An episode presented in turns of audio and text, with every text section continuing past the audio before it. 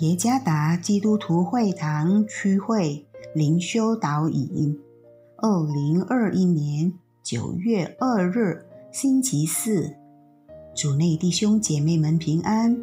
今天的灵修导引，我们要借着圣经雅各书第一章十四到十五节来思想今天的主题：自己的私欲。作者。林金先传道，雅各书第一章十四到十五节。但个人被试探，乃是被自己的私欲牵引诱惑的。私欲既怀了胎，就生出罪来；罪既长成，就生出死来。一部主题为“购物狂”的自白的电影，讲述了丽贝卡·布鲁姆伍德对购物上瘾的故事。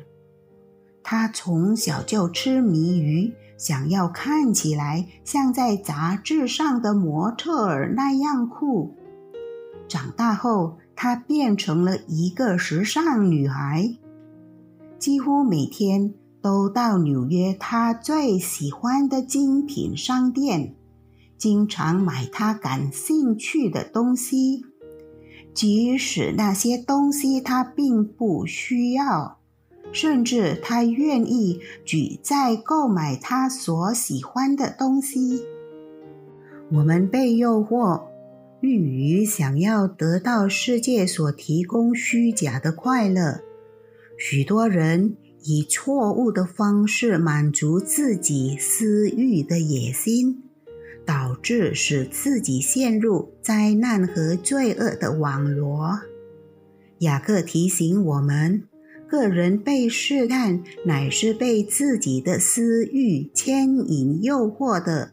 第十四节，所谓私欲的意思，乃是在人心中的欲望。而“怀了胎”一词，则表示一种不断被以各种方式来得到那欲望的私欲，也没有平衡的考虑这种私欲对自己或他人是好是坏，这私欲是否符合上帝的旨意。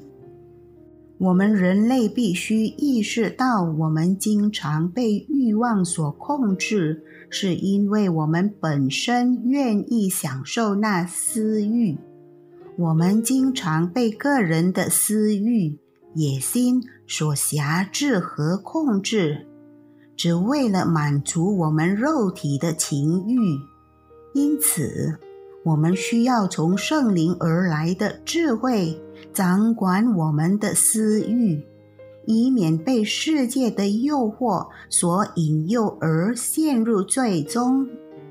当圣灵充满我们的心和私欲时，我们将成为一个能将自己的私欲与基督的旨意调和的基督门徒。